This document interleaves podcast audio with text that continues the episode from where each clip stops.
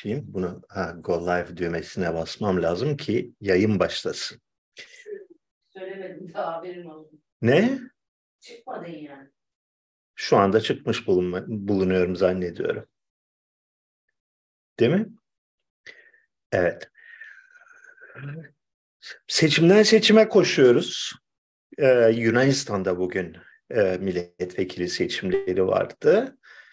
Ee, ben pek ilgilenmedim o kadar da öbür odadan durmadan seçim yayını izliyoruz.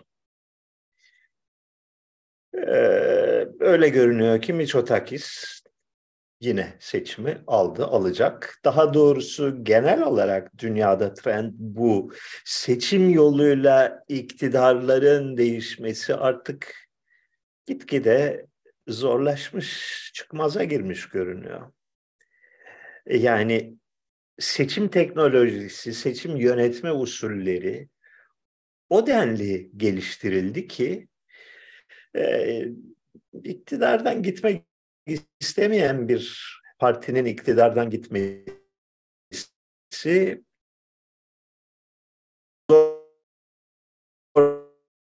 görünüyor. Ee, Komünist Partisi'nden Çumbas idi. E, komünist deyip geçmeyin. E, geleneksel komünist tipolojisine hiç uymayan orijinal bir adam. Çok düzgün bir adam. Çok e, hoş bir e, bir insan. Heh. Oyunu galiba yüzde beşten yüzde yediye çıkarmayı başarmış görünüyor. Fakat teselli mükafatı en yüksek oyu Samos adasından aldı. Bu da adanın lehine yazılacak bir puan. Ee, Türkiye'deki seçim hakkında geçen hafta konuşacağımız kadar konuştuk. Daha da fazla bir şey söylemek istemiyorum. Özellikle e, Kılıçdaroğlu'nun son demeçlerinden ve konuşmalarından sonra e, hakikaten Türkiye'deki seçimleri düşününce içime bir e, mide bulantısı duygusu hakim oluyor. Ha, deniyor ki e, siyasi pragmatizm gereği öyle konuştu. Yoksa öyle düşünmüyor. Bunun daha da beter bir şey olduğunun farkında değiller bunu diyenler diye zannediyorum. Yani öyle bir şey ki e, siyasi pragmatizm o anın küçük hesapları, haftalık hesapları gerektirdiğinde en aşağılık Nazi söylemini kolayca benimseyebiliyoruz. Ve gerçekten yani onu kastetmiyoruz belki de. Kastetmeden de yapılabilir pislik. İnanmadan da yapılabilir e, sonuç olarak diğer herhangi bir kötü adamın, kötü olduğuna inandığımız siyasetçinin gerçekten inandığı için mi kötü olduğunu yoksa durum vaziyet öyle gerektirdiği için mi kötü olduğunu hiçbir zaman bilemeyiz. Yani bir duruşu yoksa bir insanın, bir ahlaki ya bunu her seferinde yapma gözünü seveyim. Evet ama yani seni dinleyenler de durmadan yazıyor orada. İyi de yani her seferinde böyle kesiyorsun. Yapma bunu. Çok üzgünüm ama bir Wi-Fi'ine bakar mısın? Bir Wi-Fi'mize bakalım.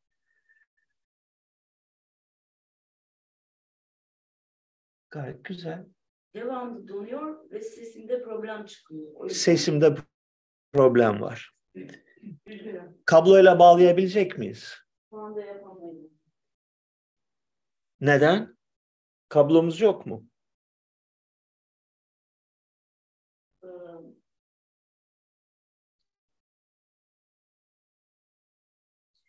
yapamayız hayır. Çünkü modem şu anda bahçede. Bahçeden oraya kadar da kablo yetişmiyor. Yetişmesi için de e, bu çok ısınıyor falan falan yani imkan yok. Devam edelim böyle. Belki düzelir.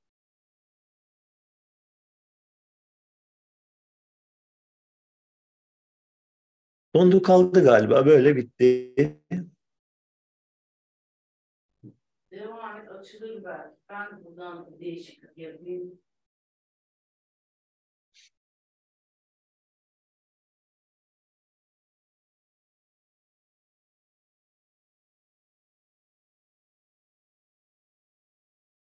Ses kalitesi kötü öyle anlaşılıyor ki. Ne yapalım? Ee, keselim mi bugünlük programı? Yapacak bir şey yok. Ses yani internet bağlantısı zayıf olduğu için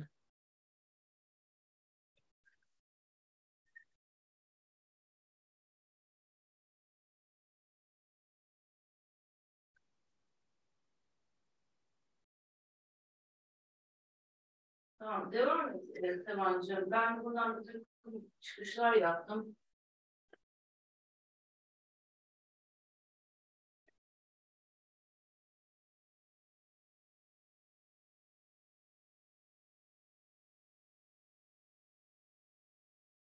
Okey.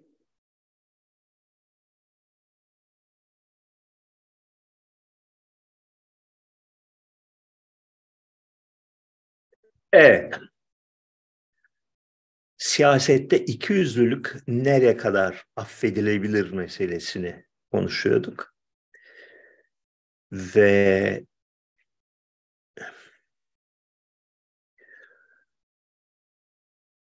freni olmayan yani bir yerlerde durulması gerektiğini bilmeyen bir siyasi lidere kim güvensin, neden güvensin sorusu ayrı bir mesele. Amaç nedir?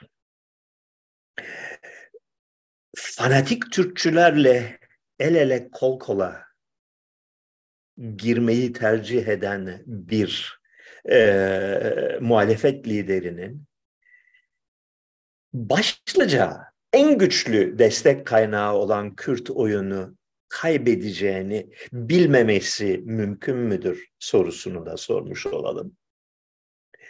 Amaçları nedir? Amaçları her koşulda Tayyip Erdoğan'ın kazanmasını sağlamak mıdır? Yani bilinçli olarak mı bunu yapıyorlar? O soruyu da sormuş olunmalı. Yani aslında cevabı bayağı belli gibi görünüyor. Ee, ama biz soruyu sormakla yetinelim. Israrla bana sordukları bir soru var. Sen Cumhurbaşkanı olsan ne yapardın? Yarın mesela seni Cumhurbaşkanı yaptık. İlk hamlelerin neler olurdu? Sordular sordular en sonunda düşünmeye çalıştım. Ne ne olurdu diye. Ve tahmin ettiğiniz sonuçlara vardı. Anlatayım isterseniz. Hınzırca bir gülümsemeyle. İlk hamle zannediyorum bir genel af olurdu e, ciddi bir rejim değişikliği, bir iktidar değişikliği yani süreklilik değil de bir değişiklik vaadiyle gelen bir liderin ilk hamlesinin her koşulda yalnız bugün Türkiye'sinde değil başka zamanlarda da bir genel af olması gerekir. Genel af derken şunu kastediyorum çok net olmak lazım bu konuda. Ee, kişiye ve mala karşı suçların hiçbir zaman ve hiçbir koşulda af konusu olmaması lazım. Yani cinayetti, hırsızlıktı, e, e, ırza tecavüzdü vesaire. Bunlar bir konu. Buna karşılık devlete karşı, devletin ideolojisine karşı ve kamu yararına karşı e, siyasi iktidarın temsil ettiği ve tanımladığı kamu yararına karşı suçların devlet tarafından affedilmesi gerekir. Buna elbette siyasi suçlar, fikir suçları başta gelir burada. Fakat bence e, rüşvet, irtikap vesaire gibi e, kamunun mal varlığına karşı olduğu söylenen suçların da af kapsamına girmesi lazım. Çünkü e, bu suçlar e, siz ne kadar kendinizi gaza getirip e, bir ahlaki boyut eklemeye çalışsanız, çalışırsanız çalışın, her zaman siyasi suçlardır. Yani e, kamu işlerinde yolsuzluğun soruşturulması siyasi karara tabi bir olaydır. Dolayısıyla yeni bir rejimin mutlaka kayıtsız şartsız yani öyle infaz indirimiydi ıvırdı kıvırdı yok açıkça net bitti şu tarihe kadar olan suçların e, suçlar affedilmiştir diyerek iki maddelik bir kanun çıkarması gerekir. İlk yapacağım iş bu olurdu. İlk, yani iktidara geldiğin gün saat içinde yapılması gereken. Ondan sonra şunu düşünmeye başlardım. Eğer radikal bir başkan, bir siyasi lider olacağım. Yani e, kazan kaynasın, devran dönsün, ben görevimi kazasız belasız bitireyim de ondan sonra emekliye ayrılayım diye düşünen değil, bir fark yaratmak isteyen, bir şeyleri kökten değiştirmeyi, yeni ufuklar açmayı hayal eden bir başkan ise ilk iş olarak bu bunu mümkün kılacak gücü biriktirmem gerekir. Yani kağıt üzerinde yetki sahibi olmak bir şey ifade etmez. Yarın bir takım önemli kararlar aldığımda bir e, adımlar attığım zaman koskoca bir ülkenin, koskoca bir devlet mekanizmasının bana he he hadi tamam peki peki sen sen bildiğini oku biz biz devam ediyoruz dememesi lazım. Emirlerime uymaları lazım. Kararlarımı icra mevkiine koyabilmem lazım. Bu da öyle kolay bir şey değildir. Herhangi bir küçük şirketi yönetmiş birisiyseniz bilirsiniz yani e, emir vermek yetmiyor bu emrin uygulanmasını ve canü gönülden ve isteyerek uygulanmasını sağlamaktır. Bunun için güç gerekir. Güç için ise ilk önce bilgi gerekir. Yani memlekette ne olup bittiğinden benim haberdar olmam gerekir. Özellikle üst katlarda neler olup bittiğinden. Kimin aklından nelerin geçtiğinden, kimin elinin kimin cebinde olduğundan haberdar olmam gerekir.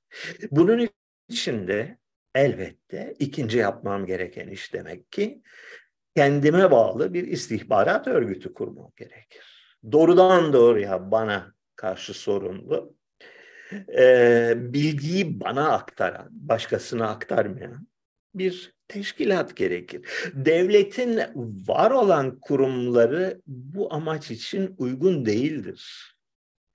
Çünkü devletin var olan kurumları tanım gereği var olan statikoyu korumakla görevlidir. Var olan güç dengelerinin eseri olan kurumlardır. Dolayısıyla iyi bir liderin cesur ve güçlü bir liderin ilk iş olarak doğrudan kendisine hesap veren bir istihbarat örgütü kurması, var olan örgütlerin içinden, var olan kurumların içinden işe yarar parçaları toplayıp bir araya getirmesi ve gerisini tasfiye etmesi gerekir ki kendisine karşı bir takım hamlelere, kendisine karşı bir takım sabotajlara girişmesinler.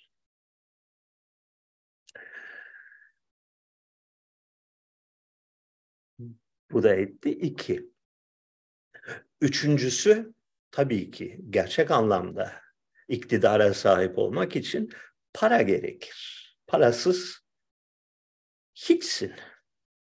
Paran yoksa yani arzu ettiğin projelere, istediğin e, şeylere, e, alanlara yatırım yapacak, büyük çaplı adam istihdam edecek orduları belli yönlere yönlendirecek, sivil ve askeri orduları yönlendirecek e, gücün olması için serbestçe kullanabileceğin para olması gerekir. Oysa ki kamu bütçesi bürokrasinin iki dudağı arasındadır. Bürokrasinin e, içinden çıkılmaz çarkları tarafından paralize edilmiştir, felç edilmiş bir sistemdir.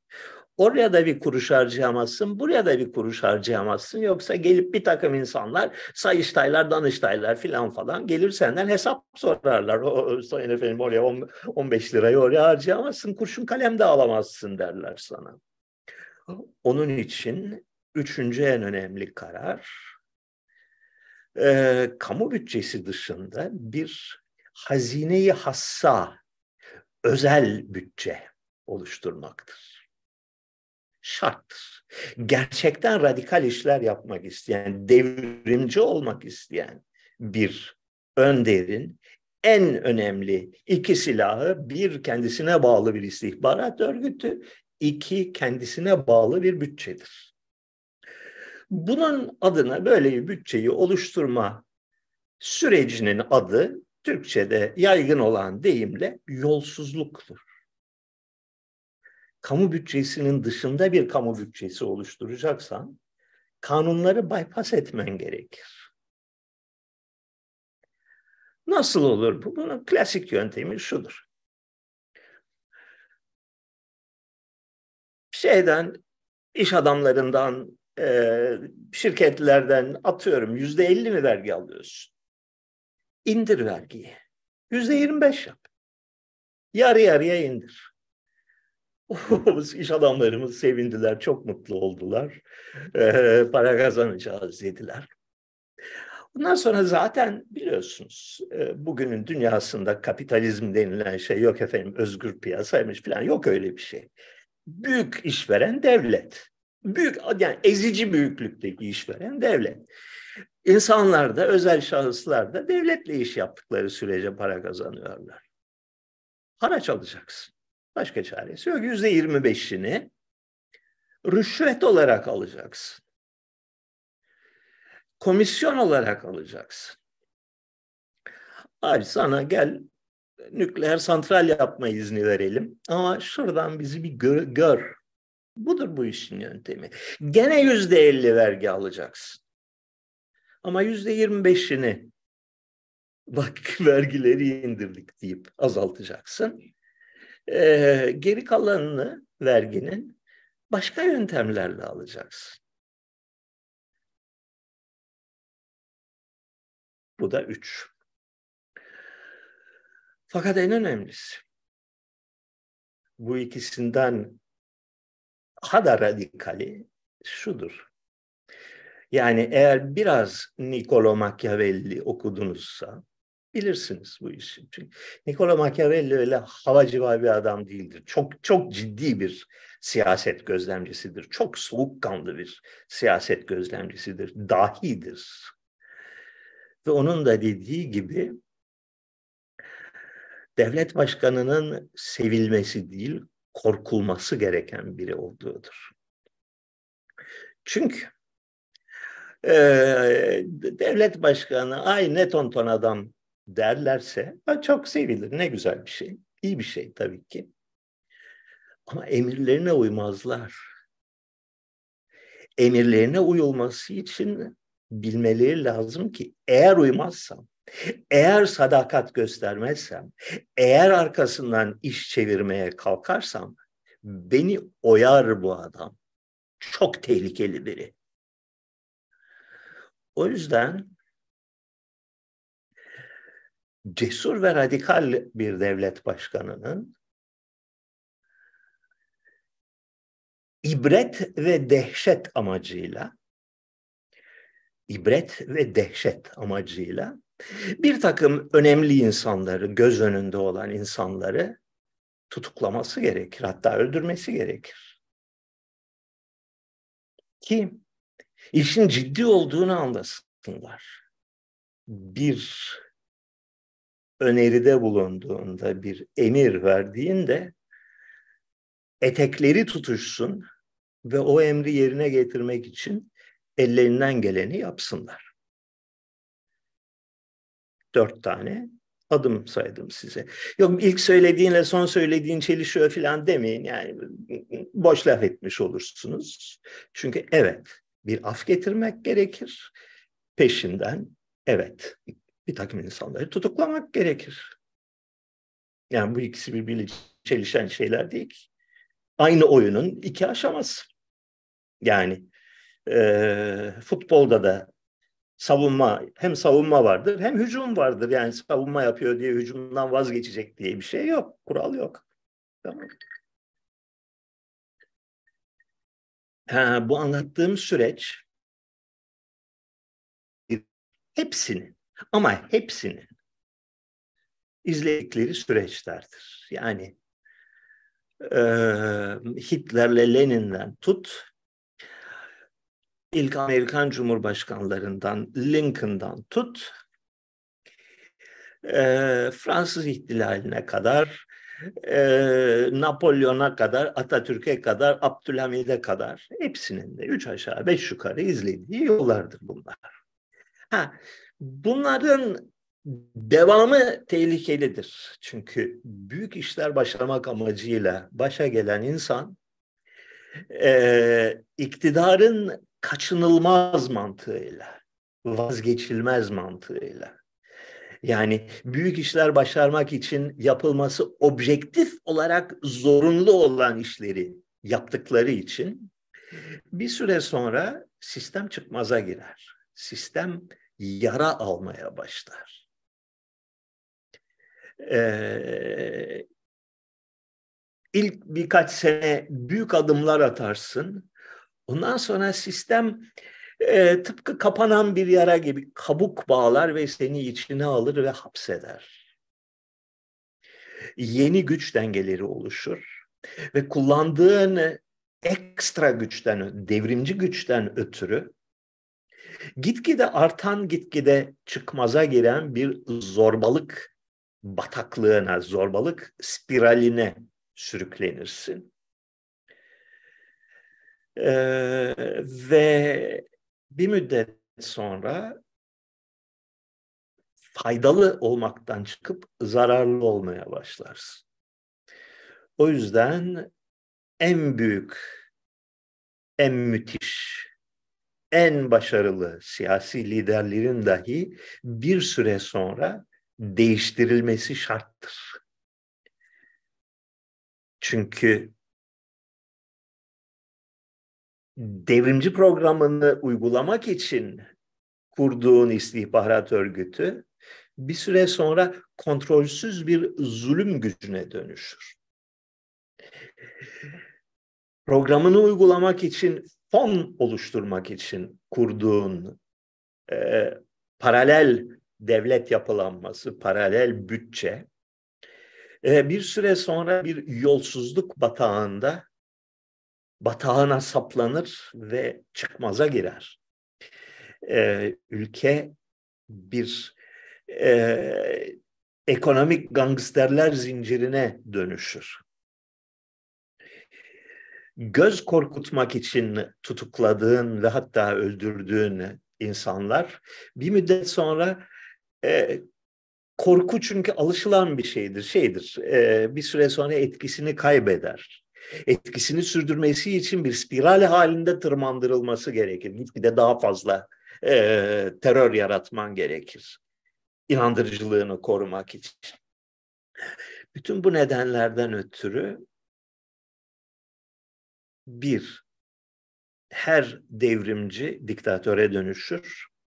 İki, her diktatör bir süre sonra faydalı ömrünü tanım, tamamlayarak emekliye ayrılma mecburiyetiyle karşı karşıya kalır.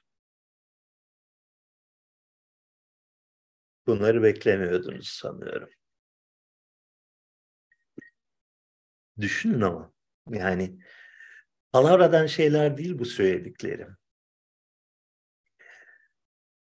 2-3 bin senelik tarihi ciddi bir şekilde etüt eden ve siyasi iktidarın ne anlama geldiğini düşünen insanların kaçınılmaz bir şekilde geleceği noktalardır bunlar. Bunu da belirtmiş olayım. Yine böyle derin bir konuya girelim mi? Şunu emin olamıyorum. Bir arkadaş, çok akıllı bir arkadaş demiş ki, ahlaki ve politik bir özgürlükten söz ediyoruz. Kendi değer yargılarını kendi iradesiyle oluşturup ona göre yaşayabilen insan ahlaken özgürdür. Dur bunun tam şeyini metnini alayım ben bir yerden. Hmm. Neredeydi bakayım? Evet.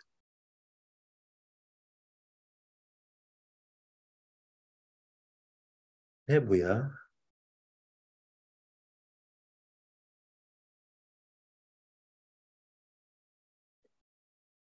Evet. Kendi değer yargılarını kendi iradesiyle oluşturup ona göre yaşayabilen insan ahlaken özgürdür. Kendi bağlı olduğu siyasi iktidarı kendi tercihiyle değiştirebilen ya da en azından sınırlandırabilen insan siyasi anlamda özgürdür. Ee, işte modern Batı dünyasında filan falan bu e, bu anlamda özgürlüklerin bulunduğunu söylemiş bu arkadaşımız. Fiji surette yanlış ve anlamsız buldum bu görüşleri. Neden onu biraz anlatmaya çalışayım size. Kendi değer yargılarını kendi iradesiyle oluşturup ona göre yaşayabilen insan ben size söyleyeyim Hollywood filmleri dışında yok öyle bir insan. Dünyada yok öyle bir insan mümkün olan bir şey değil bu dediğiniz. İnsanın değer yargılarını nasıl oluşturduğu meselesi büyük bir muammadır. Ee, kısmen insan yetiştiği şartlardan ötürü, kısmen e, kaza, kader ve tesadüf sonucunda e, içinde yaşadığı toplumun akıntılarının bir vektörel sonucu olarak bir takım değer yargılarına, bir takım eylemlere, bir yaşam tarzına sahip olur. Ondan sonra da kendi kendini haklı çıkarmak için bir takım değer yargılarını özgürce seçtiğini, seçtiğine kendini inandırır. İnsan, hangi insan değer yargılarını kendi iradesiyle seçiyor? hangi insan bir takım değer yargılarından hareketle belli davranışları göstermeye çalışıyor? Yok öyle bir şey. İçgüdüler ve koşulların getirdiği tavırları alırsınız. Psikolojinin dayattığı, e, sosyal mecburiyetlerin dayattığı, ait olduğunuz grupların dayattığı bir takım tavırlar alırsınız. Sonra da entelektüel bir tipseniz eğer buna bir kılıf uydurmaya, buna bir gerekçe bulmaya, buna bir teori uydurmaya çalışırsınız. Ve bunu e, ayırt etmek yani önce teori mi geliyor, önce pratik mi geliyor sorusuna cevap vermek imkansızdır. Pratikte yoktur böyle bir şey. Bu bir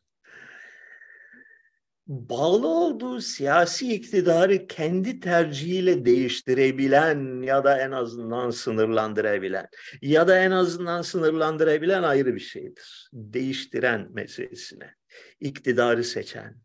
Yani burada çok bariz bir kandırmaca var. Çünkü bireyden söz ediyoruz özgürlükten söz ederken. Özgür olan bireydir. Ee, bir şekilde toplumda milyonlarca insanın bir lotarya gibi, bir piyango gibi e, davranışları belli bir şekilde toplanıp alt alta konul, konulduğunda iktidar değişiyorsa bunu bireyin kendi tercihiyle birey düzeyinde, birey platformunda e, içinde yaşadığı rejime ilişkin herhangi bir söz sahibi olması diye değerlendiremeyiz. Birey düzeyinde bir şey yok bunun, bir karşılığı yok. Ee, bir illüzyon. Yani gazetelerde okuyup da bir süre sonra ha öyleymiş demek ki biz irademizle değiştiriyormuşuz dediğin bir hayal bu. Yani bu iki anlamda özgürlüğün, siyasi ve ahlaki özgürlüğün bir anlamı olduğunu düşünmüyorum. Yeterince iyi ifade edemedim galiba ama çok bilmiyorum. Biraz düşünürseniz net bu söylediklerim. Ha. Batı dünyasında, modern dünyada e, siyasi ve ahlaki özgürlükler yoktur demiyorum. Başka bir şey diyorum. Elbette ki var. Elbette ki son 250 senede Batı dünyası bir özgürlük iddiasıyla ortaya çıktı ve bu iddianın altını belli ölçülerde doldurdu. Ciddi bir şekilde doldurdu. Neydi bu diye soracağız. Batı dünyasını özgül kılan, Batı dünyasını özgürlük açısından cazip ve ilginç kılan ve diğer yerlerden farklı kılan şey nedir diye soracağız. Bu soruya iki tane cevap vardır. İki ayrı düzeyde vardır. Ee, önce sonrakini, sonra öncekini e, kısaca anlatmaya çalışayım. Yani bir Batı dünyasının çok eski bir zamandan beri, Orta Çağ'dan beri sahip olduğu bir takım bir anlamda özgürlükler var. İkincisi özellikle modern çağa özgü bir özgürlük anlayışı var ki bu ikincisiyle başlayacağım. Bunun da üç aşamada, e, üç devrim sonucunda e, ortaya çıktığını düşünüyorum. Birincisi bunların Fransız ihtilalidir. E, belki Fra kökleri Fransız ihtilalinden biraz daha önce, belki 1720'lere kadar gider. Fakat sembolik olay Fransız ihtilalidir. Fransız ihtilaliyle birlikte Batı toplumunda bireyler, Batı toplumunda insanlar dinin zorlayıcı egemenliğinden bağımsızlık ilan ettiler. Herkes değil fakat önemli sayıda insan, önemli sayıda insana özellikle belli bir eğitim düzeyine veya ekonomik düzeye sahip olanlara şu özgürlük tanındı.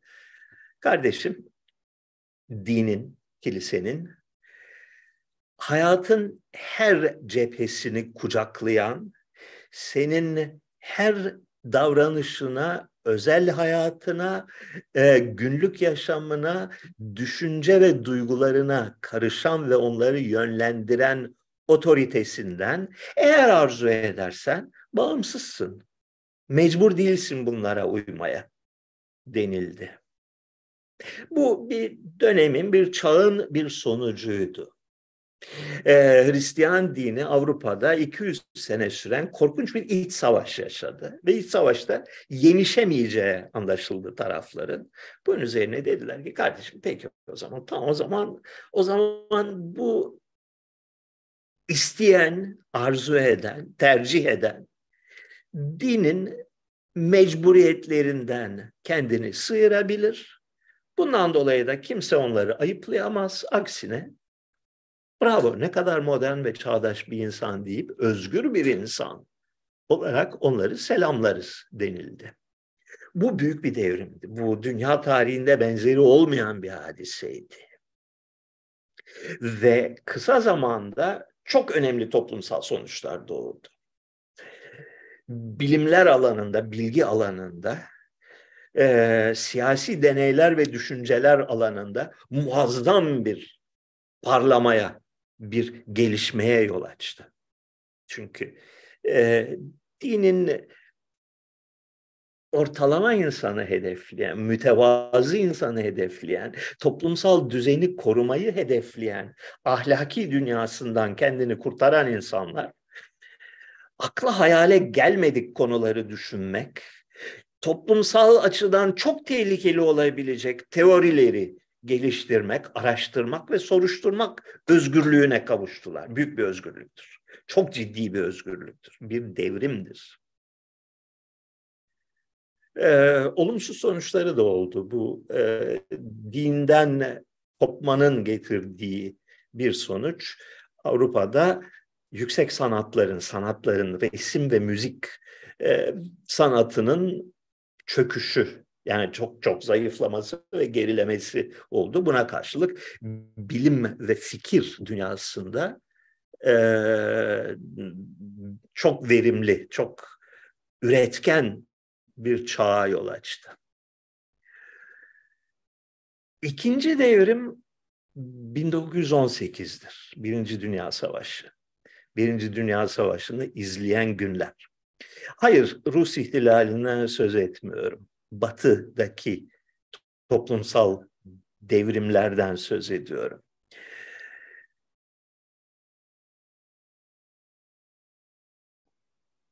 Bunun altyapısını hazırlayan şey şehirleşmeydi. Köylerden şehre göçüş. Büyük, gitgide büyüyen, devasa boyutlara ulaşan e, Londra, Paris, Viyana, e, Berlin, New York, Chicago gibi şehirlerin ortaya çıkmasıydı.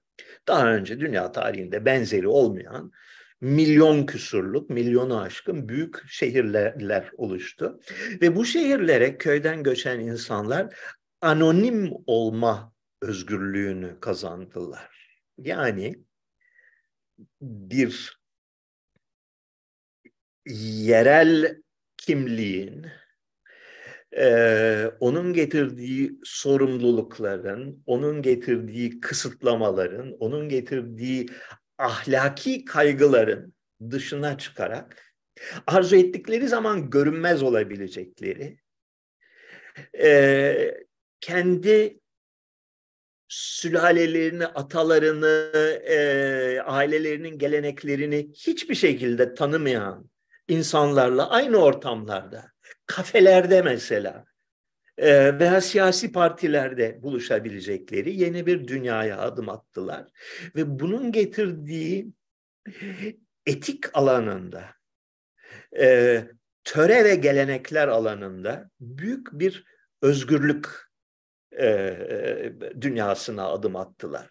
Bunun sonucu nedir? Mesela kıyafetlerdeki özellikle kadın kıyafetlerindeki inanılmaz radikal değişimdir. Birdenbire tarihte görülmemiş bir şekilde insanlar bacaklarının tümünü ortada bırakan, e, son derece kışkırtıcı, son derece modern denilen türde kıyafetlerle gezinmeye, evlilik dışı ilişkiler normal sayılmaya başlandı.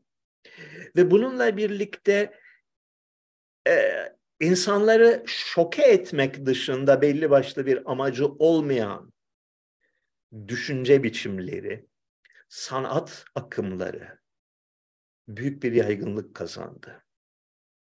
Yani e, kübizmde, sürrealizmde gibi geçmişte olsa aklı başında insanların siktir lan ne bu git, bırak çocuğum git git şeyde çalış babanın e, kunduracı atölyesinde çalış diyeceği işler sanat diye ortaya çıkmaya başladı. Bu da bir özgürlüktür. Çok ciddi bir özgürlüktür. Üçüncü devrim 1968 devrimiydi.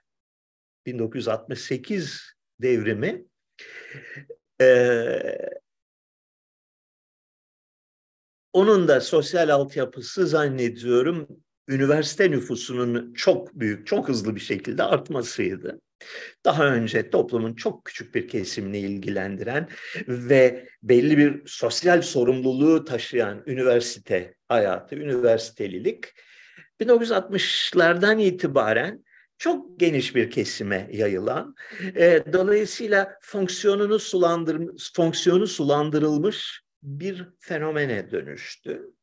Ve bunun sonucu olarak da e, yine çok geniş toplum kesimleri e, cinsel ahlak konusunda muazzam bir özgürlüğü bayrak edindiler kendilerine. Yani istediğim kişiyle istediğim zamanda sevişirim, canım sıkılsa bırakırım diyen bir anlayıştı bu. Doğum kontrol yöntemlerinin geliştirilmesi tabii bunda çok büyük rol oynadı. Çünkü biliyorsunuz cinsel ilişki bir insanın hayatında girişebileceği en tehlikeli eylem idi eskiden. Hala da kısmen öyledir. Çünkü e, 10 dakikalık bir keyfin sonuçları kuşaklar boyunca etkisini gösterecek sonuçlar doğurabilir. Yeni insanlar türer bu 10 dakikalık keyif eyleminden. E, doğum kontrol tekniklerinin geliştirilmesi bu riski azaltarak yeni ufuklar açtı insanlara ve yeni bir özgürlük dünyası yarattı. Yani bir Fransız ihtilaliyle dinin toplumsal yaşamdaki rolünün arka plana itilmesi. iki Birinci Dünya Savaşı sonucunda e, geleneksel e, community, e, yerel kimlik ve topluluk baskılarının büyük ölçüde tasfiye edilmesi. Üçüncüsü 1968 devrimiyle e, cinsel hayatın özgürleşmesi. Bunlar özgürlük alanında ahlaki ve siyasi özgürlük alanında atılmış çok önemli adımlardı ve dolayısıyla da 250 yıl boyunca Batı toplumları dünyanın her yerinde özgürlüğü bir değer olarak gören insanlar nezdinde muazzam bir cazibe kazandılar. İnsanlar mıknatıs gibi, kutup gibi batıya bakmaya başladılar. Avrupa, Batı dünyasının dışında her yerde, e, İslam dünyasında, Hindistan'da, Çin'de, Rusya'da, e, Afrika'da insanlar özgürlüğün kutbu olarak Batı'yı bellediler ve bu çok belli bir dönem. 1750'lerden başla 21. yüzyılın eşiğine kadar. Soru şudur. Elbette bu özgürlük tırmanışı, özgürlük süreci, özgürlüklerin artması süreci olumlu sonuçları olduğu gibi olumsuz sonuçları da olan bir süreçti. Ve geldiğimiz noktada bugün e, bu tırmanış, bu basamak basamak yükseliş nereye kadar sürdürülebilir? E, daha fethedilmemiş hangi ufuklar kaldı? Ve bu ufukların şu anda vardığımız noktada fethedilmiş olması insanlık açısından ve insanlar açısından hem insanlar açısından hem insanlık açısından yani hem insanların kolektif varlığı için hem de bireyler için e, ne ölçüde iyi sonuçlar doğmuştu. Yani varılan nokta iyi bir nokta mıdır sorusu çok ciddi bir şekilde insanların kafasını kurcalamaya başladı. Yani e, insan potansiyelini kısıtlayan, insanın yaşamını bir dar bir çerçeveye sıkıştıran e, kural ve kurumlar ve töreler aynı zamanda insan hayatına şekil ve yön veren kural, kuram, kurum ve, ve törelerdir.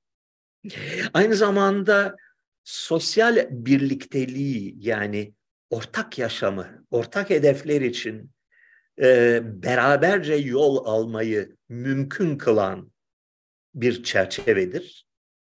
Bu çerçeveyi esnettiğin zaman özgürlüğün artar ve yeni adımlar atma imkanı bulursun.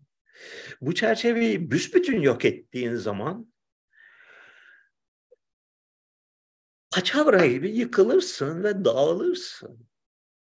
Bana öyle geliyor ki bugün Batı'nın 250 yıllık özgürlük yürüyüşünün sonunda varılan nokta bir iflas noktasıdır, bir e, çöküş noktasıdır. Ve bir takım şeyleri yeniden kurmanın zamanı gelmiştir. Lafı çok fazla uzatmak istemiyorum. Uzattım da zaten de şeye de değinecektim. Peki Magna Carta ne olacak sorusuna da değinecektim. Yani e, bu modernitenin icadından önceki çağda da Batı'nın belli bir anlamda bir özgürlükler yuvası olduğu, bir takım temel özgürlük ilkelerine sahip olduğu fikri e, çok kuvvetli bir fikirdir. Bu da var. Yani Batı e, Fransız ihtilalinden sonra özgürlük kavramını keşfetmedi. Daha önce de vardı böyle bir şey. Onun farklı bir düzey olduğunu düşünüyorum. Yani 1600 senesinde özgürlükten kastedilen şeyle 1800-1900 senesinde özgürlükten kastedilen şey ayrı ayrı şeyler. Ayrı tip özgürlükler. Girelim ona da. Hadi bakalım. Madem lafı uzattık bari felsefi konuları sürdürelim. Batı dünyasında Orta Çağ'dan itibaren ya 12. 13. yüzyıldan itibaren teorisi yapılan Batı'nın siyasi düşüncesinin temel direkleri arasına giren e, özgürlük kavramı başka bir şeydir. Siyasi erk sahiplerinin yani güçlü insanların kral karşısındaki nispi özgürlüğü söz konusudur. Yani bir vatandaş kavramı yoktur orada. Beylerin, düklerin, kontların e, kendi ordusuna sahip olacak pozisyonda olan insanların merkezi devletle, hükümdarla ilişkilerinin belli bir karşılıklı saygı ve karşılıklı sınırlara riayet etme e, ilkesi üzerine kurulmasıdır. Bunun diğer boyutu da din otoritesinin yani kilisenin devletten yani hükümdardan bağımsız olduğu ilkesidir. Yani iki tane temel hadise şu. Kilise hükümdardan bağımsızdır. Egemen sınıflar hükümdar karşısında nispeten bağımsızdır. Bu iddia Avrupa'nın çok parçalı, çok e, e, kaotik siyasi yapısının bir sonucu olarak gelişti. Ve merkezi otoriteyi güçlendirmeye çalışan hükümdarlar yani tüm vergileri kendi kasasına toplamaya teşebbüs eden hükümdarlar çok şiddetli direnişle karşılaştılar ve yüzlerce yıl süren bir süreçte başarılı olamadılar. Çok yavaş yavaş bir takım mevzileri ele geçirdiler. Ve o dönemde özellikle 16. yüzyıldan itibaren şöyle bir ikilem, bir e, soyut bir model oluşturuldu kafalarda. Bir, biz medeni Avrupa ülkeleri varız ki özgürüz. Bir de şark tipi Asya despotizmi vardır. Buyur bunun da örneği Osmanlı'dır. Osmanlı'da e, toplumun, daha doğrusu toplumun yönetici kesimlerinin hükümdar karşısında hiçbir özelliği yoktur. Hükümet, hükümdar istediğini asar, istediğini keser, istediğini görevden alır. Çünkü Avrupa'nın yönetici sınıfları beydir, e, derebeyidir, hanedandır, mülk sahibidir. Güçleri ellerinden kolay kolay alınamaz. Oysa ki Osmanlı'nın yönetici sınıfları memurdur. İstikballeri padişahın iki dudağı arasındadır. İstediği zaman görevden alır, istediği zaman bütün paralarına el koyar. Ne kadar üstünüz biz Avrupa olarak. Doğruluk payı var mıdır? Vardır. Örnek olarak kendine e, fotoğrafın negatifi olarak Osmanlı'yı gösterirsen mantıklı bir kıyaslamadır. Osmanlı yetmedi bir de gidip bir de Çin'i örnek getirmeye başlarsan ha işte Asya tipi bir tarafta Avrupa tipi öbür tarafta. Avrupa tipinde baronlar e, senet imzalayıp padişaha meydan okuyabilirler.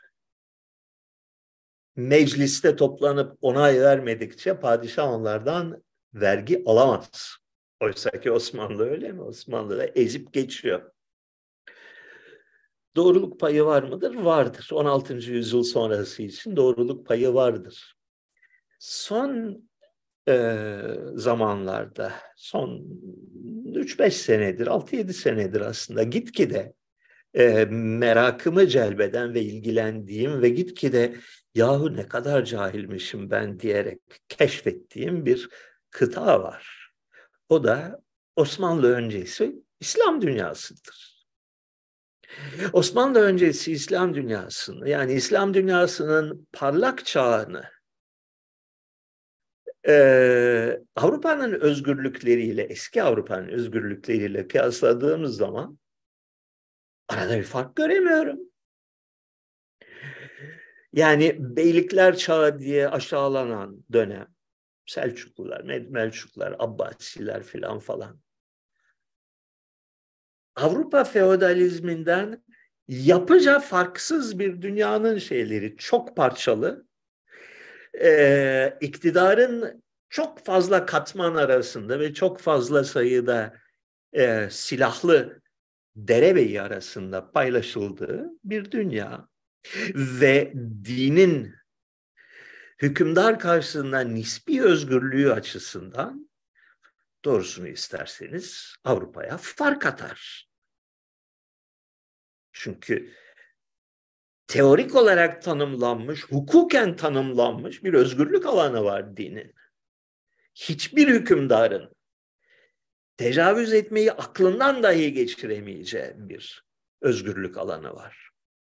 Ve tabii bu özgürlük alanında palazlanan bir e, din adamı sınıfı var ki büyük ölçüde e, hükümdarın otoritesinden bağımsız. Yani Asya tipi diye tanımlanan şey, Asya tipi diye tanımlanan ve kötülenen şey 15. yüzyıldan sonra Doğu ülkelerinde, İslam ülkelerinde ortaya çıkmış olan yeni bir yönetim tarzının adı. Geleneğin adı değil. Bilmiyorum. Bu, bu son ikinci bu, bu konuşmanın bu bölümü biraz tarih konusunda tefekkür etmiş ve tarih bilgisine sahip olan insanlara hitap eden bir e, konuşma oldu. E, umarım aklınızın bir ucunda bir soru işareti kalır. Oh, neyse. Bu konuyu da böylece anlatmış olduk geleceğiz sorulara. Kaç dakika oldu? 50 dakika konuşmuş. İnanılır gibi değil. Uh, milyonlar uçtu gitti. Ee, konuşma oldu. İkinci Sevan konuşmaya başladı yani. Yahu en başta bayağı güzel sorular vardı. Onlara ne oldu? Onları bulmama imkan var mı acaba? Niye bunu yapıyor bu, bu namussuz bunu bilmiyorum. Hala anlayabilmiş değilim.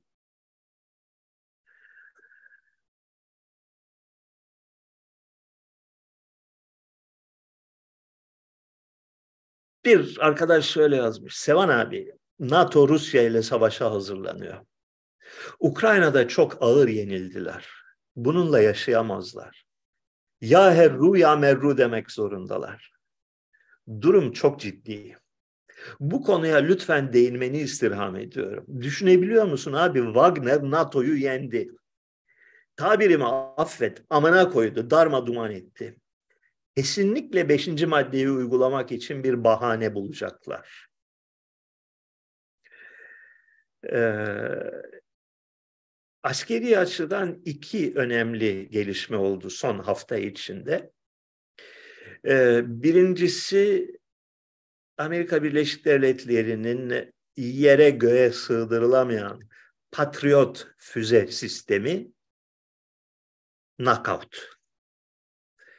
Ee, Rusların yeni geliştirdiği füzelerle şak diye vurdular.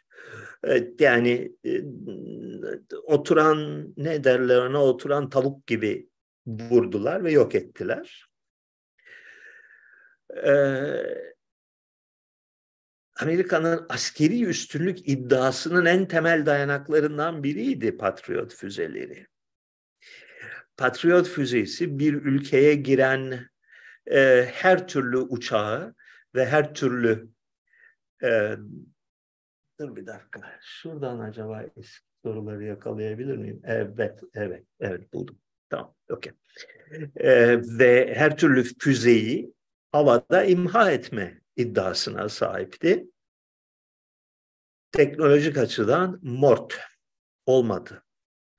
Bu arada şey de e, tespit edildi. Ben bunca senedir yaygarası yapılıyor ya e, S-400 aldık Rusya'dan diye bize Patriot vermiyorlar, bilmem ne vermiyorlar, S-20, 35 vermiyorlar, e, F-35 vermiyorlar. S-400 almakla doğru bir adım atılmış olduğu ortaya çıktı Türkiye açısından. Çünkü Amerikan malı çürük çıktı. Bir. İkincisi Bahmut yani Artyomovsk e, mücadelesi aylar sürdü. Sekiz ay süren bir müthiş bir e, çatışmaydı. Ve inanılmaz ustalıkla yürütüldü. Bir tarafta Rus ordusu girmedi şeye, savaşa. E, Wagner PMC adlı bir özel şirket savaştı. Rus ordusunun desteğiyle. E, fakat bayağı bildiğin bir özel firma e, savaştı. E, sayıca az e, kadrolarla iki Ukrayna kolordusunu tamamen yok ettiler. E, çok ustaca tuzağa düşürdüler. Ukraynalıların sürekli saldırmasını sağladılar. Ve bu saldırılarda dalgalar halinde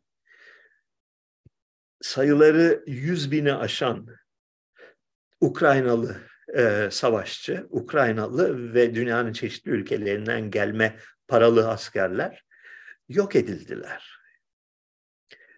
Ve Bahmut düştü. NATO'nun 31 ülkesinin ittifakla giriştiği bir savaşta bir özel şirket onları yendi. Ee, Ukrayna ordusuna gelince e, bu yani askeri literatürde bayağı e, üzerinde çalışılmış bir modelin e, çok e, sözü edilen bir modelin tipik bir uygulamasıyla karşı karşıyayız. Bir inşaatta da mühendislikte de vardır. Bir kirişin üzerine yük bindirirsen önce hiçbir şey olmaz. Yükü arttırırsan gene bir şey olmaz. Yükü arttırırsan gene bir şey olmaz. Sonra çıtırtı sesleri gelmeye başlar ve küt diye çöker bütün hadise. Şu anda Ukrayna'dan çıtırtı sesleri geliyor. Ve kısa bir zaman içinde e, Ukrayna'nın tüm cephelerde aniden ve bütünüyle çökeceği kesin gibi görünüyor. Ee, muhtemelen o yüzden e, ülkenin cumhurbaşkanı olan Soytarı 15 gündür neredeyse yurt dışında. Düşünebiliyor musunuz? Ee, ülke çöküşün eşiğine gelmiş bir ölüm kalım mücadelesi veriyor. Ee, ülkenin başkomutanı, tüm Ukrayna ordularının başkomutanı öldürüldü. Hatta öldürülmeyi de ağır e, yani öl, ölmesi bekleniyor şu anda. Ve devlet başkanı dünya turunda. Nasıl bir olaydır bu? Acaba Ukrayna'ya dönecek mi? O bile şu an aşamada biraz şüpheli. Böyle bir durumla karşı karşıyayız. NATO bunun karşısında ne yapabilir? Bu yazan arkadaşımızın dediği gibi beşinci maddeyi mi uygulayacaklar? Yani NATO üyesi herhangi bir ülkeye herhangi bir saldırı yapıldığı bahanesiyle ne bileyim Litvanya'da bir bomba patlar, bir şey olur. e, açık savaşa geçilecek. Kaçınılmaz görünüyor. Çünkü birkaç nedenle kaçınılmaz gözüküyor. Ee, Ukrayna'daki büyük yenilgi e, NATO için bir felakettir. Avrupa Birliği için bir felakettir. Hiçbir inandırıcılığı, hiçbir e, ikna ediciliği kalmaz bu kurumların. Yani kağıttan şatolar gibi çökerler. Buna tahammül edemez. Batı dünyası denilen acayip ittifak. Mecburlar. İkinci bir mecburiyet daha var. Batı'nın finansal dünyası, finans dünyası yani bankaları ve devlet hazineleri batış noktasında çok büyük bir krizle karşı karşıya.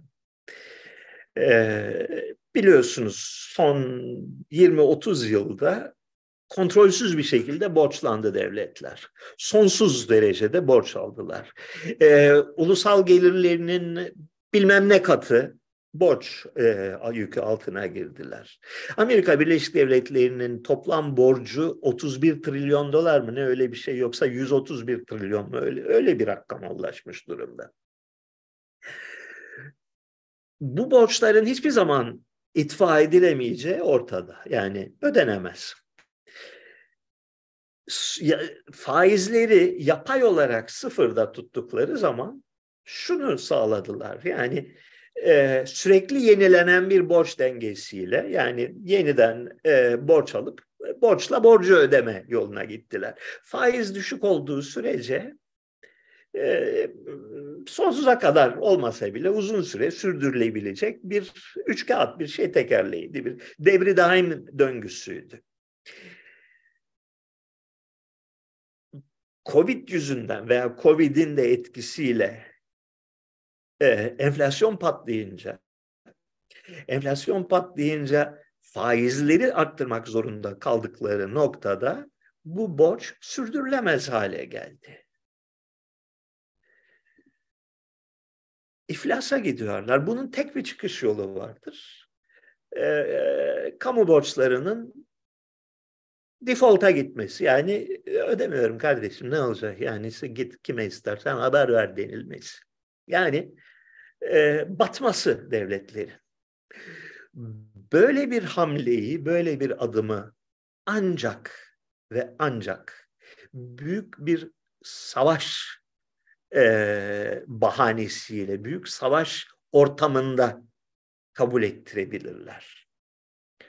Ne yapalım? Savaş çıktı. Memleketimiz, Batı dünyası, medeniyet, ölüm kalım mücadelesi verirken senin kıytırık alacağınla ben uğraşamam, ödemiyorum kardeşim. Savaşı bir kazanalım. Rusya'dan, Çin'den e, edineceğimiz, yağmalayacağımız hazinelerle senin borcunu da öderiz günün birinde.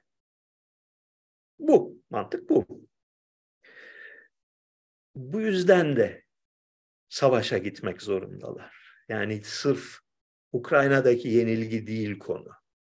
Aynı zamanda yapılması gereken büyük ve korkunç finansal operasyonun e, kılıfının hazırlanması, gerekçesinin hazırlanması için de savaş zorunlu görünüyor.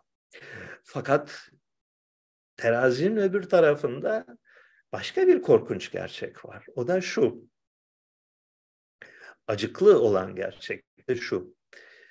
Ee, NATO'nun bugünkü e, cephe hattında, bugünkü cephelerin bugünkü durumunda bir savaş kazanma ihtimali yok. Ukrayna da bunu gösterdi. Bunun da nedeni yine klasik bir stratejik hata. Satrançta da vardır böyle hatalar. Çok ileri gidersen, tek ayak üzerinde fazla ileri gidersen, yani kendi ana üstlerinden çok uzaklaşırsa cephe, zayıflarsın. Yani olası savaş şeylerine bakıyoruz. Savaş sahnelerine bakıyoruz. Baltık ülkeleri, Polonya, Moldova, Romanya, İran.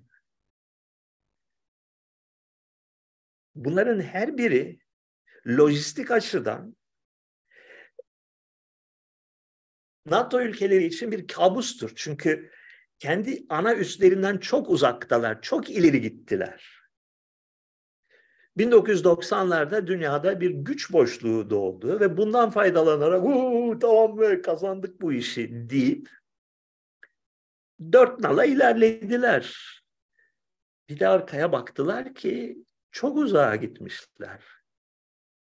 Geri çekilmekten başka çareleri yok. Çünkü karşıdaki düşmanın yani Rusya'nın ve Çin'in e, ana vatanı yani çok kısa mesafelerle üretim üslerinden ve nüfus merkezlerinden e, şeye e, savaş sahasına asker sevk edebilirler. Amerika diyelim ki Polonya cephesinde kavgaya karar verdi. Nasıl oraya nasıl ordu sevk edecek? Uçakla mı götürecek? Kaç kişiyi götürecek? Kaç yüz bin kişiyi götürecek? Korkarım bildiğimiz şekliyle Batı dünyasının sonuna gelmiş bulunuyoruz. Savaşmadan çekilmeyecekler ve savaş savaşın sonucunun ne olacağı belli olmaz. Savaşlar sürprizlerle doludur. Fakat bildiğimiz veriler çerçevesinde, görünen veriler çerçevesinde düşündüğümüzde Batı'nın bu savaşta hiçbir şansı yok görünüyor.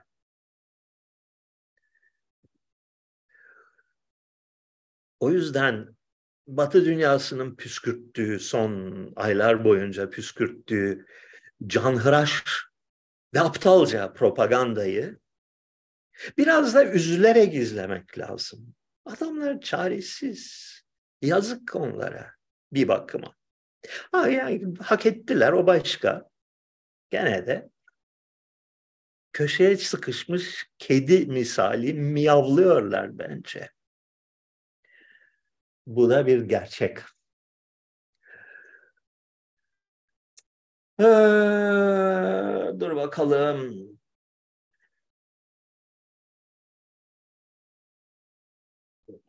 mesajlar geliyor.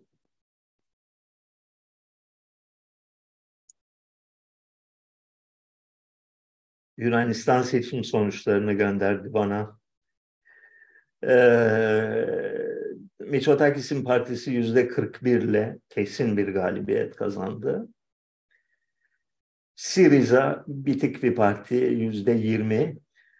PASOK yüzde 11. Komünist Partisi yüzde 7 üçünü toplasan bir Mitsotakis etmiyor. Geçmiş olsun. Bu değerli bilgiyi de sizinle paylaşmış oldum.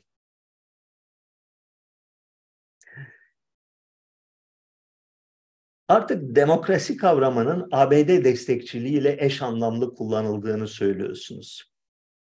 Peki bu yüzyılda demokrasi yerine önerdiğiniz bir sistem var mı? Bu çok uzun bir konu ve e, yani demokrasi yerine bir sistem önerebilecek bir pozisyonda değilim. Fakat bir takım yönler, bir takım yönelişler, bir takım ana ilkeler e, tartışabilirim. Ama bugün yeter, derin konuları yeterince e, geliştirdik. E, şu nedenle bu konuyu açmış bu arkadaş. E, geçenlerde Washington Post'ta Türkiye seçimleriyle ilgili bir yazı yayınlandı. Şu anda Amerikan propaganda makinasının en beyin, beyinsiz e, temsilcilerinden biri olan Ferit Zekeriya imzasıyla.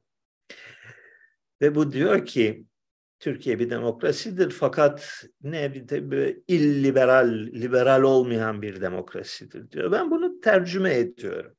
Ne demiş bu adam?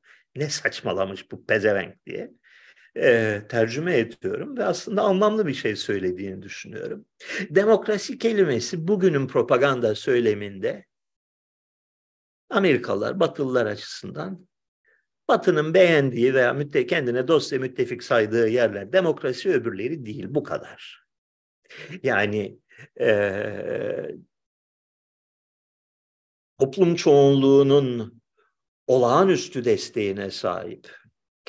E, toplum çoğunluğunun yaşam koşullarını tarihte ender rastlanır ölçüde düzeltmiş olan e, gerçek anlamda toplumun sevgisine ve yani gerekirse canını feda edecek şekilde e, sevgisine mazhar olan rejimler mesela e, Macaristan mesela Çin hatta hatta Rusya demokrasi değil, katiyen değil. Buna karşılık bir avuç soysuz oligarkın yönettiği eşkıya rejimleri e, demokrasi. Ukrayna'daki gibi. Çünkü neden? Amerika'nın desteğine sahip. Şimdi Ferit Zekeriya'nın mesajı şu anlama geliyor. Türkiye boktan bir ülke fakat bizim. Bunu söylemiş. Başka hiçbir şey söylememiş. Bundan ibaret söyledi.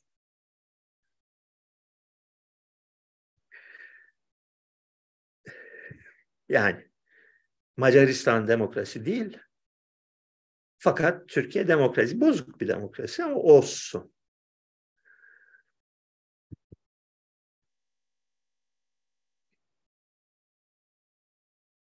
İslam toplumlarının sekülerleşmesi, çağdaşlaşması konusunda Ali Babacan, Prens Selman tarzı nispeten ılımlı figürler mi?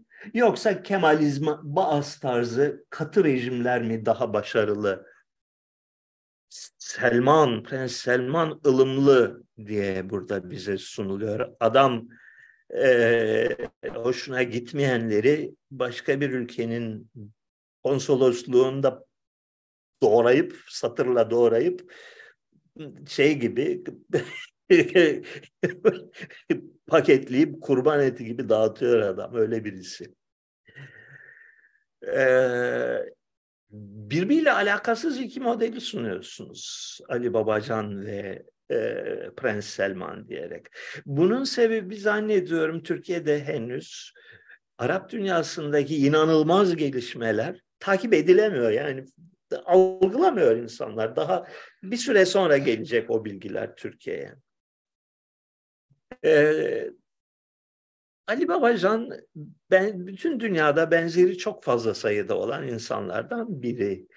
Ee, uluslararası, uluslararası derken batılı finans e, çevrelerinin tanıdığı, güvendiği ve bu, bu çocuk bizdendir diyerek ön plana sürdüğü insanlardan biri.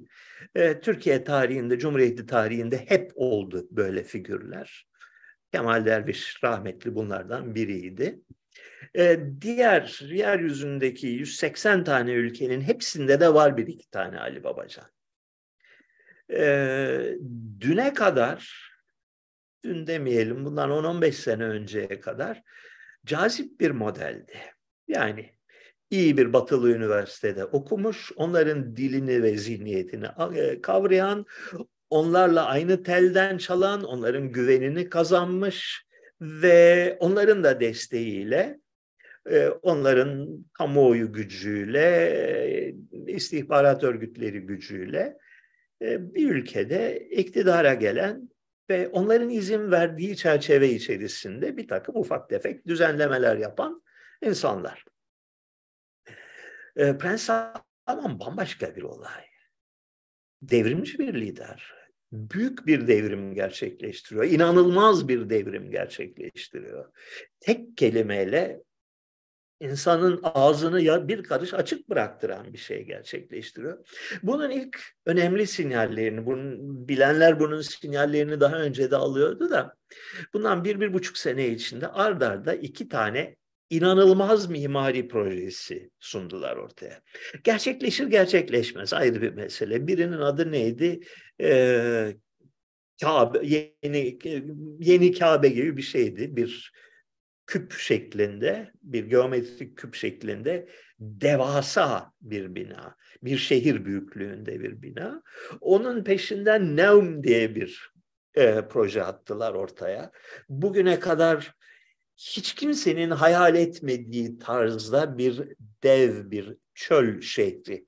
Tamamen kendi içine kapanı, tamamen e, bir uzay üssü estetiğinde ve cüretkarlığında. Şimdi bunlar gerçekleşir gerçekleşmez ayrı bir şey. Muhtemelen gerçekleşmeyecek.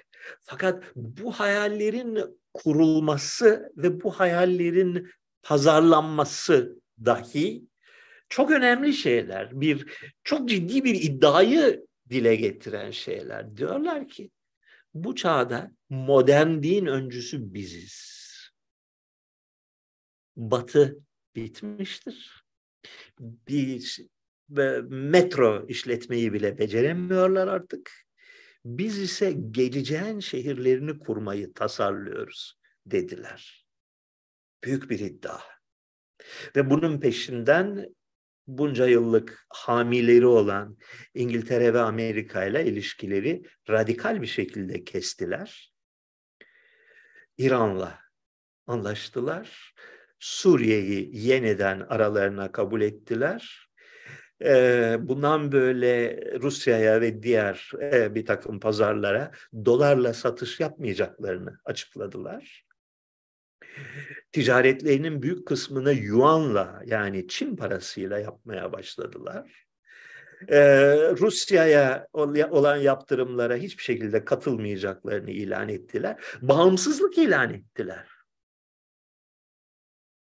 Ve özetle diyorlar ki dünyada modernizmin temsilcisi, dünyada yeni çağın öncü gücü biz Araplarız. Şaka değil yani bu. Bayağı ciddi bir hadise. Tekrar yani bunu ne kadar gerçekleştirebilirler ayrı bir mesele. Bu hayali kurabiliyor ve bunun gerektirdiği adımları atıyorsa bir olay var ortada demek. Yeni bir şey var.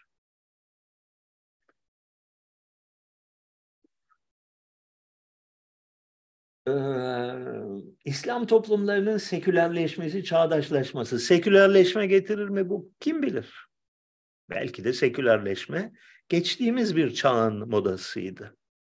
Avrupa'nın kendi koşullarından doğan, kendi tarihi ihtiyaçlarından zuhur eden bir formülasyondu. Belki yeni bir tür sekülerleşme, belki başka bir şey olur. Fakat insanlığın bir sonraki adımını, bir sonraki aşamasını, bir sonraki ufkunu, sınırlarını biz belirleyeceğiz diye çıkıyorlar ortaya.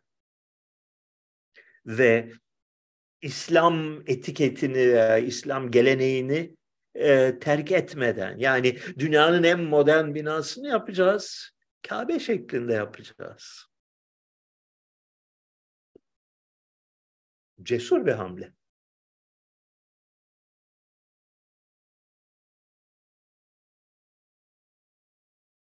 Hocam, Petro'nun Rusya'da gerçekleştirdiği çağ atlatan ve en önemlisi kalıcı olan reformları neden Atatürk ya da II. Mahmut bu coğrafyada yapamadı? Çok esaslı bir sorudur. Tarihi bir sorudur. Öldürücü bir sorudur. Cevabı nedir biliyor musunuz? Rumlar ve Ermeniler yüzünden yapamadı.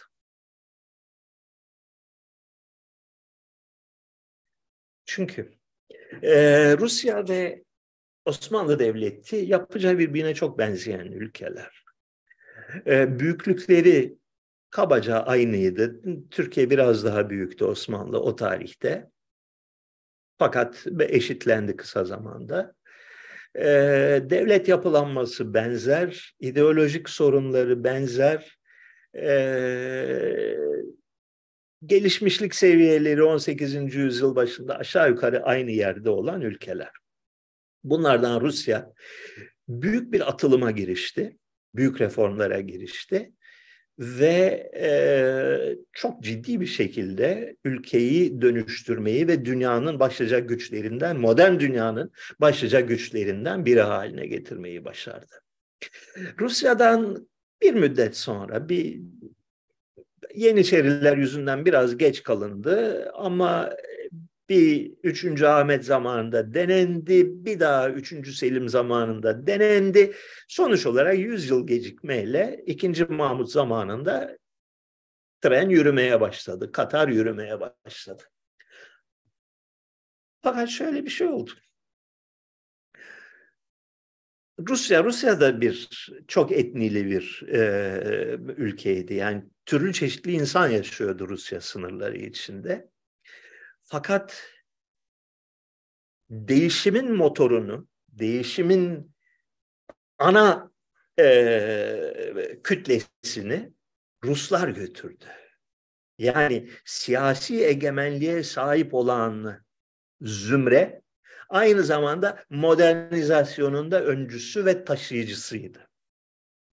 Bütün yeni tür sanatçılar, e, yeni tür e, bilim insanları, askeri komutanlar, iş adamları Ruslardan çıktı. Rus değildilerse de yani Tatarlar da vardı aralarında, Ermeniler de vardı. Rus olmayanlar da Rus kimliğiyle ve Rus e, takımının bir parçası olarak hareket ettiler. Osmanlı Devleti içinde ise çok kısa zamanda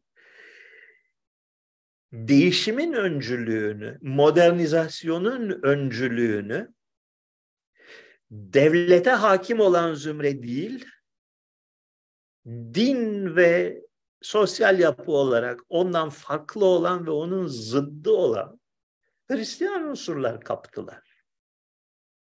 Yani Rusya'da bütün modernliği temsil eden kişiler, siyaset adamları, düşünürler, din adamları, bilim insanları Rusken veya Rus kimliği altındayken Osmanlı'da bu insanlar ya Rum'du ya daha çok Ermeniydi. Ve iki unsur yani Hristiyanlarla Müslüman eskiden beri birbirlerine güvenmezler, birbirlerinden farklı bir yerlerde dururlarken bu aralarındaki uçurum bunun sonucunda derinleşti. Çünkü bir taraf sıkı sıkıya siyasi iktidara e, bağlanırken öbür taraf gitgide artan büyüyen yeni güç kaynakları keşfetti. Bir ekonomik güç, entelektüel güç, örgütlenme gücü. Ve bunun sonucu olarak birbirleriyle gitgide e, şiddetlenen bir kavgaya tutuştular. Osmanlı Devleti'nin son e, aşamalarında özellikle Ermenilerin fakat aynı zamanda e, Lübnan'da Hristiyan Arapların, e, Balkanlarda Yunanistan dışındaki Rumların, e, Sırpların, Bulgarların vesaire kavuştuğu modernlik düzeyi Rusya'nınkinden farklı değildir. Yani onlar da bir sürü batı tarzı besteci çıkarmış. Bunlar da batı tarzı besteci çıkarmış. Onlar da şirket kurup büyük ne bileyim silah üretimiydi, büyük çaplı gıda pazarlamasıydı işlerine girmişler. Bunlar da girmişler. Şu farkla ki Rusya'da bunu yapanlar aynı zamanda siyasi iktidara sahip. Osmanlı'da ise aksine siyasi iktidarla aralarında gitgide tırmanan ve sonuçta karşılıklı katliama dönüşen bir zıtlık var. Yani ülkenin modernizasyonunu taşıyan kesimler aynı zamanda devletin düşmanı.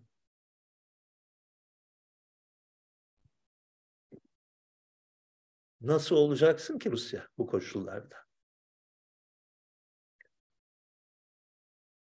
Ya böyle sürprizlerle dolu tarih.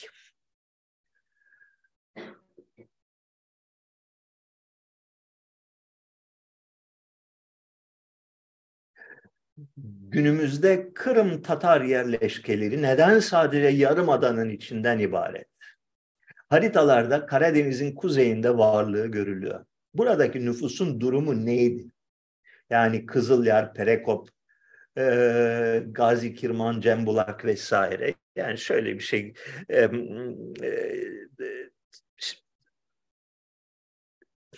Tatar nüfus, Tatar denilen Kuzey Türklerinin nüfusu Karadeniz'in tüm kuzey sahiline yayılmıştı. Yani bugün Ukrayna adı verilen ülkenin önemli bir kısmı, özellikle bugün savaşa konu olan kısmı e, büyük ölçüde Tatar nüfusa sahipti. Moldova denilen taraf, e, Romanya'nın sahil kısmı Tatar nüfusa sahipti. E, doğuda da Rostov tarafı, Kafkasya'nın kuzeyindeki düzlük kısımlarda vesaire Tatar nüfus egemendi. Fakat siyasi güce sahip oldukları yer Kırım'la sınırlıydı. Bunun dışındaki kısımları Rusya peyderpey yuttu ve peyderpey nüfusu temizledi. Göçtüler buradaki Tatarlar.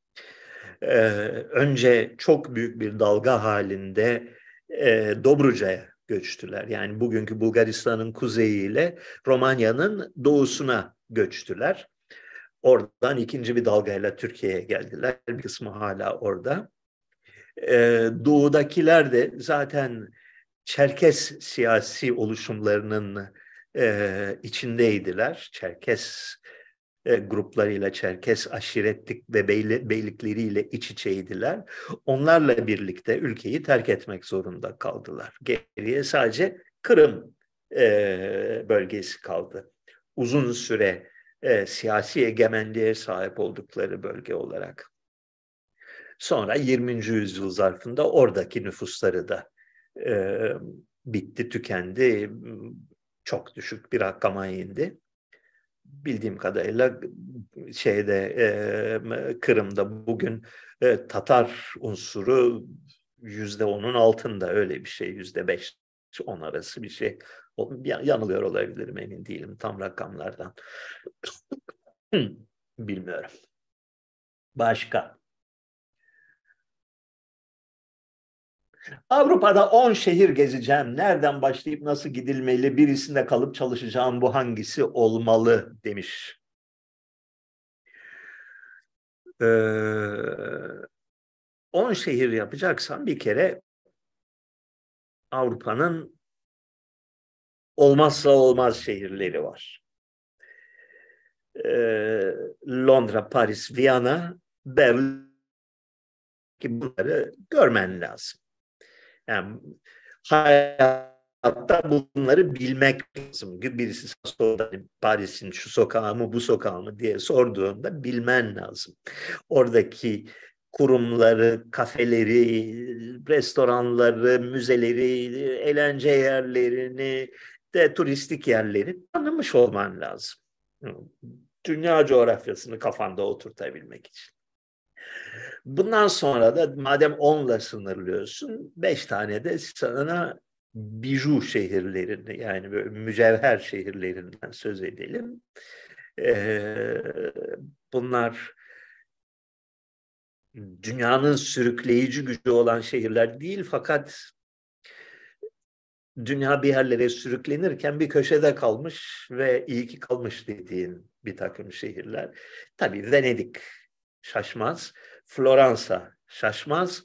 Ben size söyleyeyim Siena şaşmaz. Yani Siena daha küçük bir şehir ama çok güzel bir yer. Prag ee, unutulmaz bir şehir. Çok yani oyuncak bir şehir. Çok çok sevimli bir yer. Başka hangisi var? İspanya. Ne? İspanya'yı unuttun gittin diyor. Peki. Barcelona mı desek? Yok. Ee, Lisbon. Lisbon çok güzel bir şehir. Yani hakikaten e, insanın aşık olacağı bir şehir. Hangisinde kalıp çalışayım derken dersen hangisinde kendine bir eş bulma şansın daha fazlaysa orası derim. Portekiz'e gitsin diyor da dil meselesini de unutma.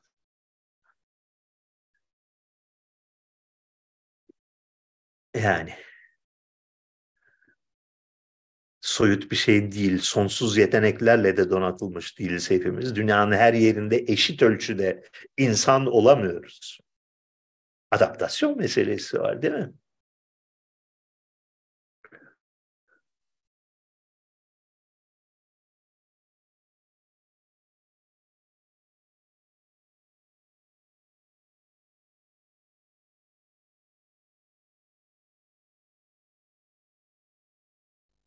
Ne gibi?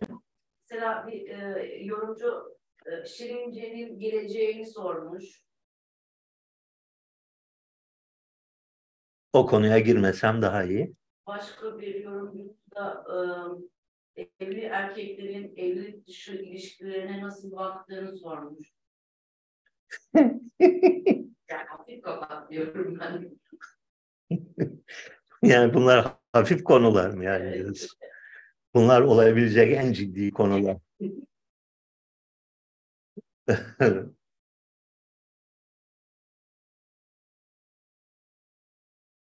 hmm, filan falan.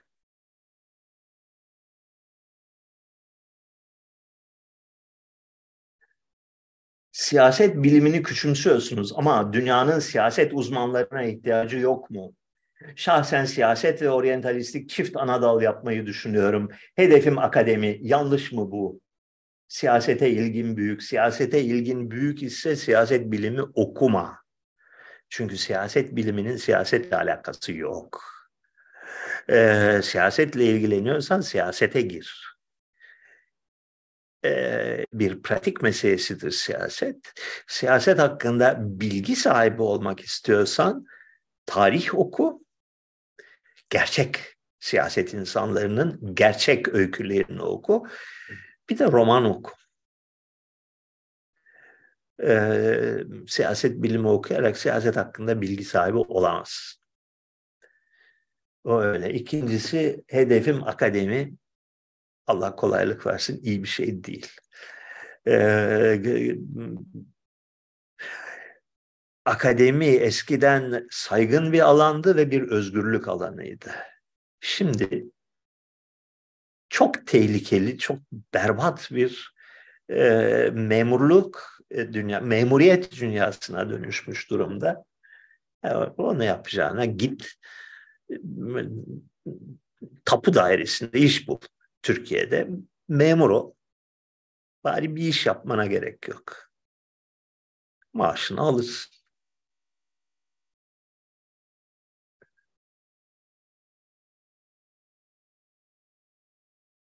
Bir Türk entelektüelinin Osmanlıca bilmesi gerekir mi? Eğer tarihe merakı varsa ve tarih konularına herhangi bir şekilde e, zihinsel dünyasında yer verici veriyorsa evet Osmanlıca'ya hakim olması gerekir.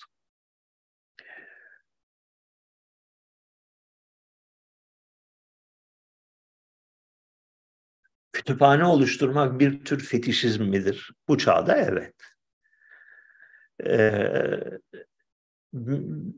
kütüphane çok büyük ölçüde bir süs. Geçmişte okuduğun kitapların, artık bir daha okumayacağın kitapların bir tür gösteri gibi böyle arkanda şey yaparken e, söyle adını Zoom toplantısına katılırken e, arkanda fon olarak durmasını sağlayan bir şey. Bu devirde aradığın bilginin her türlüsüne e, online ulaşabiliyorsun. Yani aklın şaşar nelere ulaşabiliyorum. Yani 1850'lerde Van'da yayınlanmış broşürleri bulabiliyorum. Hızlı bir şekilde. Vesaire.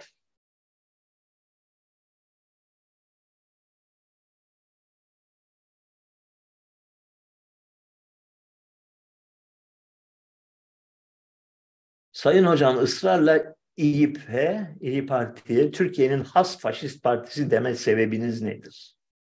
Parti programı ortada ve başındaki zatın milliyetçiliğe dair beyanları ortadayken bu yakıştırmaya dayanağınız nedir? Çünkü bu insanlar ben dün doğmadım. Bu insanlar da 30 senedir Türkiye'de siyasetin içindeler. 1990'larda aktif olarak işin içinde olan insanlar bunlar. Güvenilir insanlar değiller. e,